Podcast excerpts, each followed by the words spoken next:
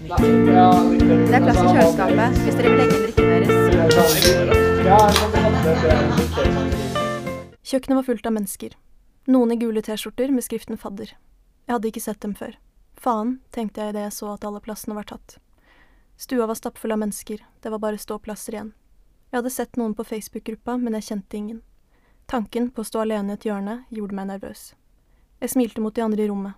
Noen smilte tilbake, andre ignorerte det.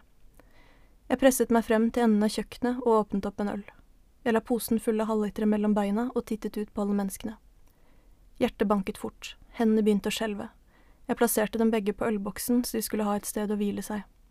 Foran meg sto det to gutter, de hadde en samtale om studiet. Jeg hørte at det er sånn 400 søkere hvert år, sa han ene. Ja, det er skikkelig kult at vi kom inn, svarte han andre. Jeg hadde lyst til å si hei, men det virket så dumt når de sto med ryggen til. Jeg drakk opp ølen min, la den tomme boksen i vinduskarmen og fant fram en ny.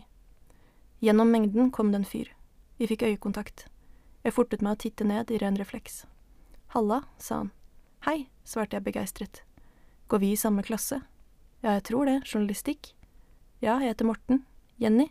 Hyggelig, sa han. Jeg smilte. Hvorfor har ikke du vært med de andre dagene? Jeg måtte i et bryllup i Sverige. Oi, såpass.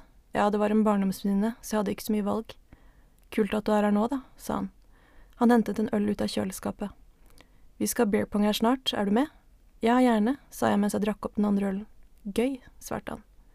Han gikk tilbake i mengden, snudde seg og ropte kom da. Jeg tok tak i posen min og fortet meg etter han. Vi gikk til enden av rommet, der sto det noen gutter.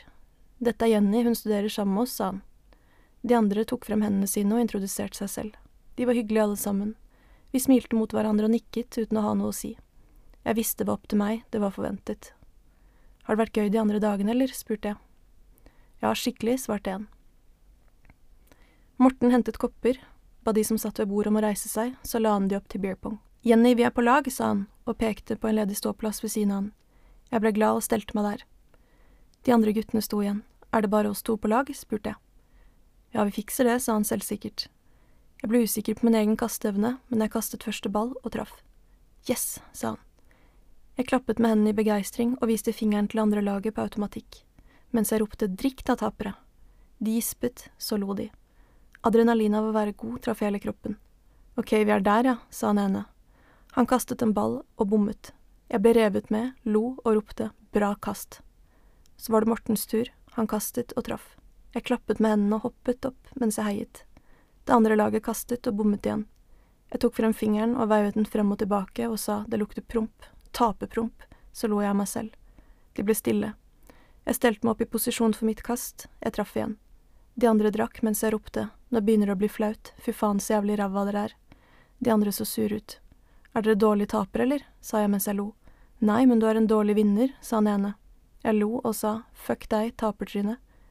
Jeg gidder ikke å spille mer, svarte han og gikk ut i stua. Morten så på meg. Jeg tror vi tar en pause. Jeg ble stille. Faen, tenkte jeg. Har jeg gjort det igjen?